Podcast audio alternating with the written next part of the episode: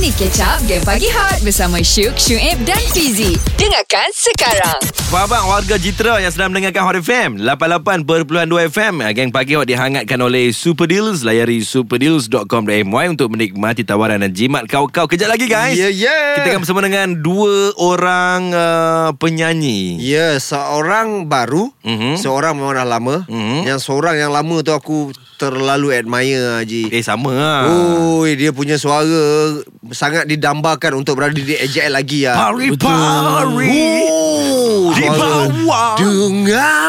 Ui. Oh, Joey dan batinku. Aku pernah tengok konsert uh, ha. Uh. Ah. Lantak Writer kita bagi tahu lah Ah, nama ah, Lantak Writer bersama dengan masa tu ada Afgan Ah. dan Judika. Oh, memang macam perlu lah pergi dia. Ah, Asyik. Ni, Aduh. lagi seorang penyanyi ni Aku memang uh, Setiap kali balik kerja je Aku akan dengar lagu dia dalam kereta Ah, ah, Yoni boy. Kalau kau rasa Ya yeah. Dia Dua-dua talented ni mm. Dua-dua dahsyat ni Betul. Aku Ah, ah. aku lagu Uni Boy uh, dalam hujung minggu lepas aku banyak-banyak kali ulang. Ya lagu mana? Lagu Sakit ni.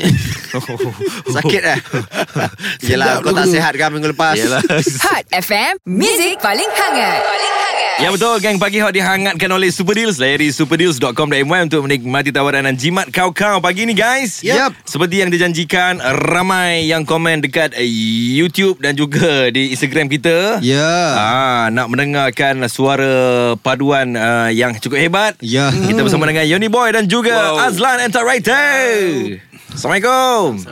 Selamat pagi. Oh, hari ni kalau kalau kita boleh tengok lah Ji eh. Aha. Jadi mungkin kita akan letak kat Instagram lain Okey. macam hari ni. Yang paling lain macam adalah Yoni Boy. oh, dengan rambutnya Warna dengan hijau, eh. Hui. Dahsyat penampilan Uni Boy kan? Ah. Yeah. Berbeza sungguh sebab kita pernah panggil dia Joy, tapi hari Okey. ni lain. Kenapa Yoni hari ni? Uh, perubahan image. Dia terus buat pengakuan dia perubahan imej. Okey, mereka datang dengan lagu baru yang bertajuk Kelabu. Salah silap ku tahu yang aku ni bersalah Ku hanya mahu jadi tempat untuk mengaruh kau susah. Wah, Ah. lama. Okay, lagu ni sebenarnya Ji aku, Aha. aku mengikuti YouTube channel uh, Yoni. So Hmm. hmm. lagu Alright. Hmm. ni memang dah tahun lepas dah rilis. Okey. Tiba-tiba lagu ni dikeluarkan balik dengan uh, arrangement baru dan ada menampilkan Lan and the Typewriter memang kita kita memang dah Hmm. memperakui lah vokalnya memang mantap Betul. sangat Betul. Sampai ke Jerman. Hmm? sampai ke Jerman. Yes. Ha. Jadi kenapa Yoni tiba-tiba rearrange dan meletakkan Azlan and the Typewriter kat sini? So lagu tu sebenarnya dia demo saja. Oh, demo. Asalnya Masa keluar lirik video tu eh. uh, bukan masa sebelum tu lah yang tahun lepas lah. Demo, Sebelum demo. Ah, tu demo je. Hmm. So, so macam satu hari tu kira manager saya kata uh, nak buat benda ni official lah. Hmm. Uh, so dia adalah sebut kata kita kena kena buat dengan Azlan lah kan. Abang Lan. so, Okey.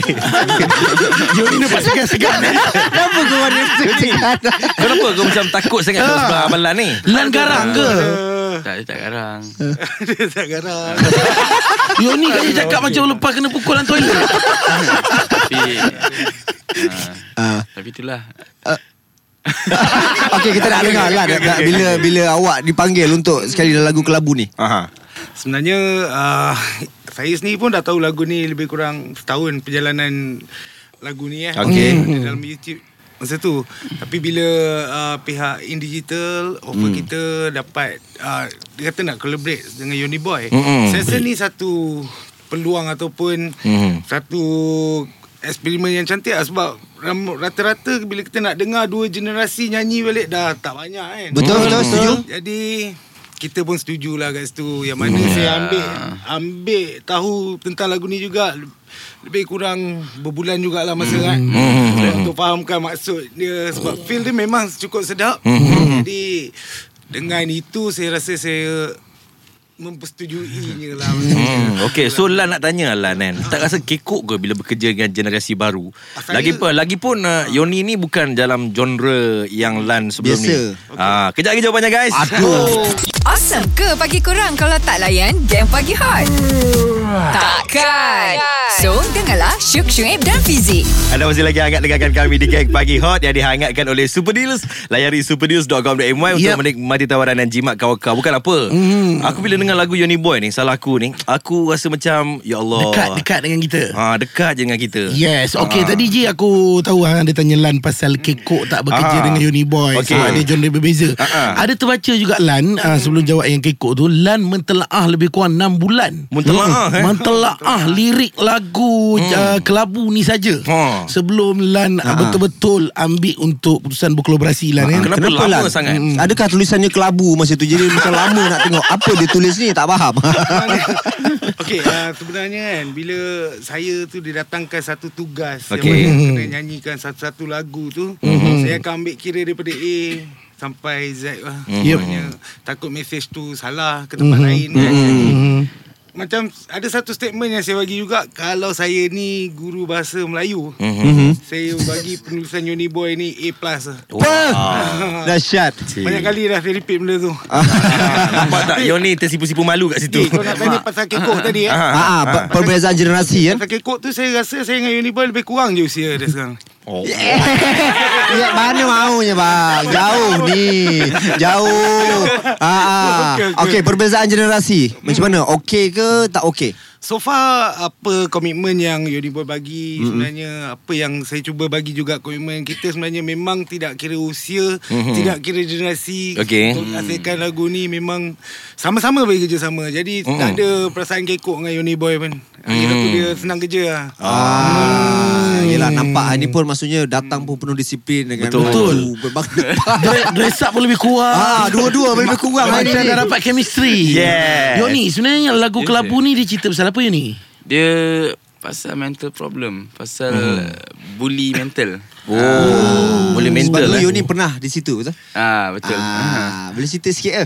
ah so lagu ni lah kita cerita pasal lagu ni lah. Boleh, Ah. baik, boleh, boleh. Ha. So terciptanya lagu ni bila rasa macam kita nak orang tahu yang bully mental tu rasa macam mana. Oh. Ha, and apa rasa dia bila dia macam kita membuli dan dibuli. Mm-hmm. Ha, kita dibuli dari segi mental tapi kita juga membuli diri sendiri mm-hmm. dalam masa yang sama mental tu. Sebab oh. tu Oh. mental tu kita kan Faham, faham. Ah. Jadi yang membuli kat sini bukan Lan kan? Kan, kan. Ha. Sebab nampak awak macam takut-takut dah di sebelah lah. dia, dia, selut, selut. Okey. Ka- Kita nak tanya ke keserasian sebab kita sebelum ni uh, Lan pernah duet dengan Joe Flizzo. Joe Flizzo untuk lagu Kuasa. Uh, situ nampak memang keserasian tu adalah sangat sangat nampak Betul. serasi. So macam contoh dengan Yoni macam mana bang? Okey. Keserasian Sebab Hmm. tu. Sebenarnya kalau nak ikut konsep dalam genre lagu tu dua-dua lagu ni sangat berbeza sebenarnya. Ah, betul, Yang betul. mana bila kita dengar kuasa tu lebih kepada trap, Betul. ah, hip hop. Hmm. Betul. Mm-hmm. Dengan Yoni ni lebih kepada R&B trap punya Hmm, tu. lah. hmm, hmm. Jadi saya rasa tak tak ada tak ada konflik isu kat situ. Hmm. Ngam ah, kira ngam ah. Wih. Lama Alamak. ah, tak sangka lah sebenarnya bekerjasama dengan penyanyi hebat dahsyat handal ni sebenarnya mudah. Betul. Ah, sebab ini aku bukan apa, saya menambahkan suara abang di AJL bang. Mungkin Gila ni, mungkin adakah- mungkin ini. Ha. Mungkin ini atau mungkin lagunya Saya ada satu bang Saya suka lagu tu Yang satu Na na na na na Menena berkata tu pun banyak jadi OST. hmm. Hianati Lagu tu mungkin Kianati aku. Bunyinya Hianati aku. seperti Untuk AJL InsyaAllah dengan izinnya. Amin Okey, kalau tadi kita tahu cerita hmm. Uni Boy kata uh, pernah mengalami situasi menjadi mangsa bully mental tu. Okey. Nak tahu jugalah Lan nampak garang kan? Aha. Pernah tak jadi mangsa bully?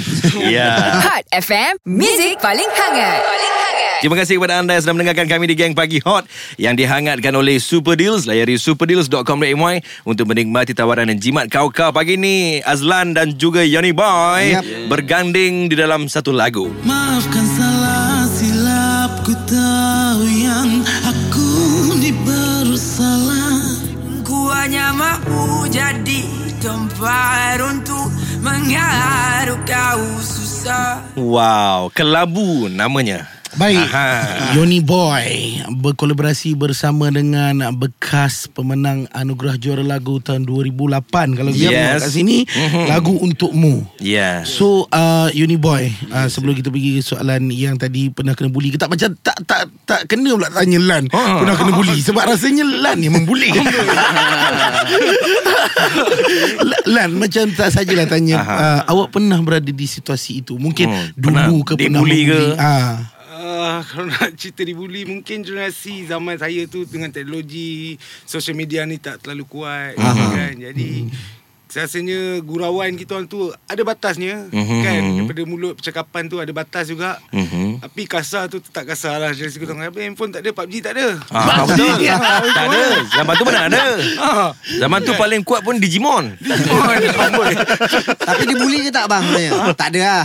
Sama Tak rata adalah, lah. Hmm. kita orang- Zaman kita orang tak ada Kes bully tinggi sangat Sekarang ni yang banyak Faham. Bully cyber tu lah hmm. Baik Yuni Masa masa awak uh, Dapat tahu nak kena berkolaborasi Dengan Lan Typewriter Satu nama hmm. besar dalam industri muzik Ah, Goyang tak masa tu? Goyang tak? Eh, goyang lah. Yoni ni. Memang terkejut, terkejut. Okay. So, uh, pasal manager saya pun kata, "Oh, surprise ni dia kata. Hmm. betul lah tu, dapat surprise tu. Yoni ni seorang yang uh, kita kita, kita sembang dengan dia kan. Dia dia, uh, dia punya nada adalah Hmm. uh, slow lembut. Betul, Sentiasa betul. senyum. Betul Hmm. Eh lupa nak, nak tanya pula Proses rakaman berapa lama mm. On site uh, Adakah direkod balik Untuk Pak Yoni Ah. Tak. Ataupun pakai yang lama Tak, memang ambil feel yang lama je. Yang lama Hmm. Okay so rekod baru adalah Dekat LAN lah So lama tak Hmm. So far kita ambil masa pun lebih kurang beberapa jam lah. Fuh. Hmm. Tapi sebelum tu mm arrange balik lagu yang Uniboy bagi, dah masukkan uh, elemen-elemen string kat situ. Mm-mm. Lepas tu beat-beat dia yang lain kan. Hmm, Betul.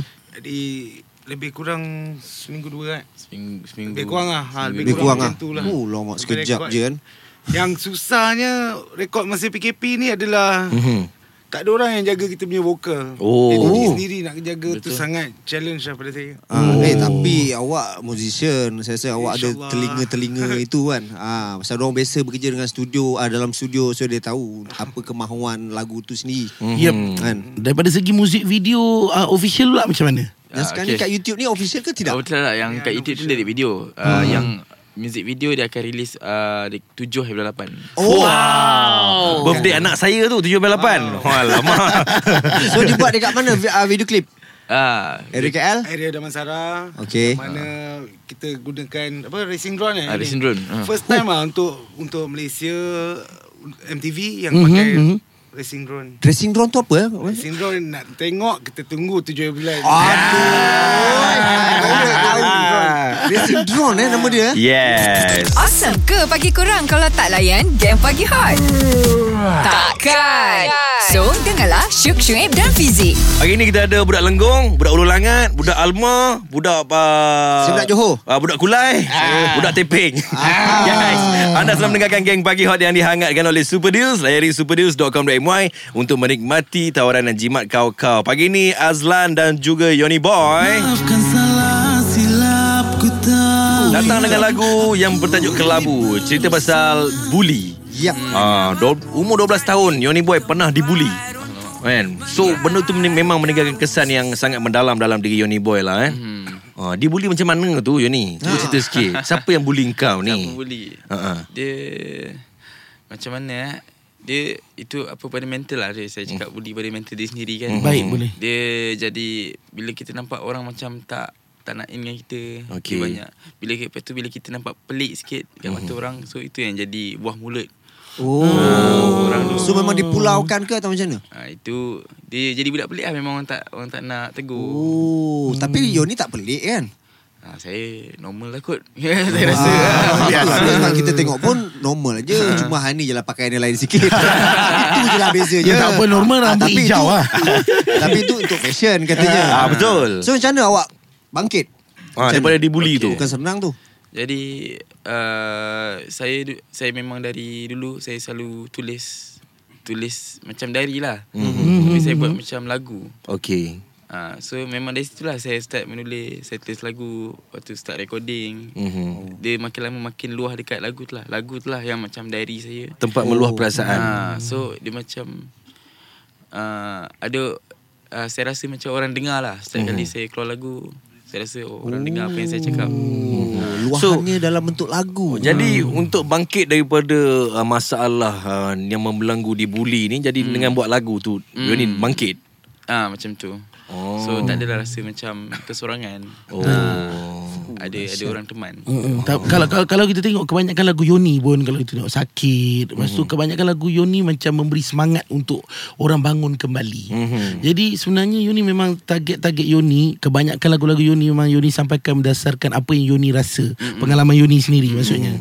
So saya harap saya boleh jadi terapi untuk orang lain lah. Bukan Hmm. selain selain daripada saya lah. Ha. Ah, Alhamdulillah. Eh, Sangat besar dia punya uh, Target. target. Apa? target insyaallah. Yoni, hmm. semoga usaha awak ni menjadi satu uh, semangat baru kepada yang mereka sedang mendengar kan. Amin. Ini dia guys, Azlan and Tarator Ah, oh, Yoni ni. Boy. Secara officialnya lah. Yes. Pertama kali dia mainkan di Hot FM. Dengarkan Game Pagi Hot setiap Isnin hingga Jumaat jam 6 hingga 10 pagi bersama Syuk, Syuib dan Fizi.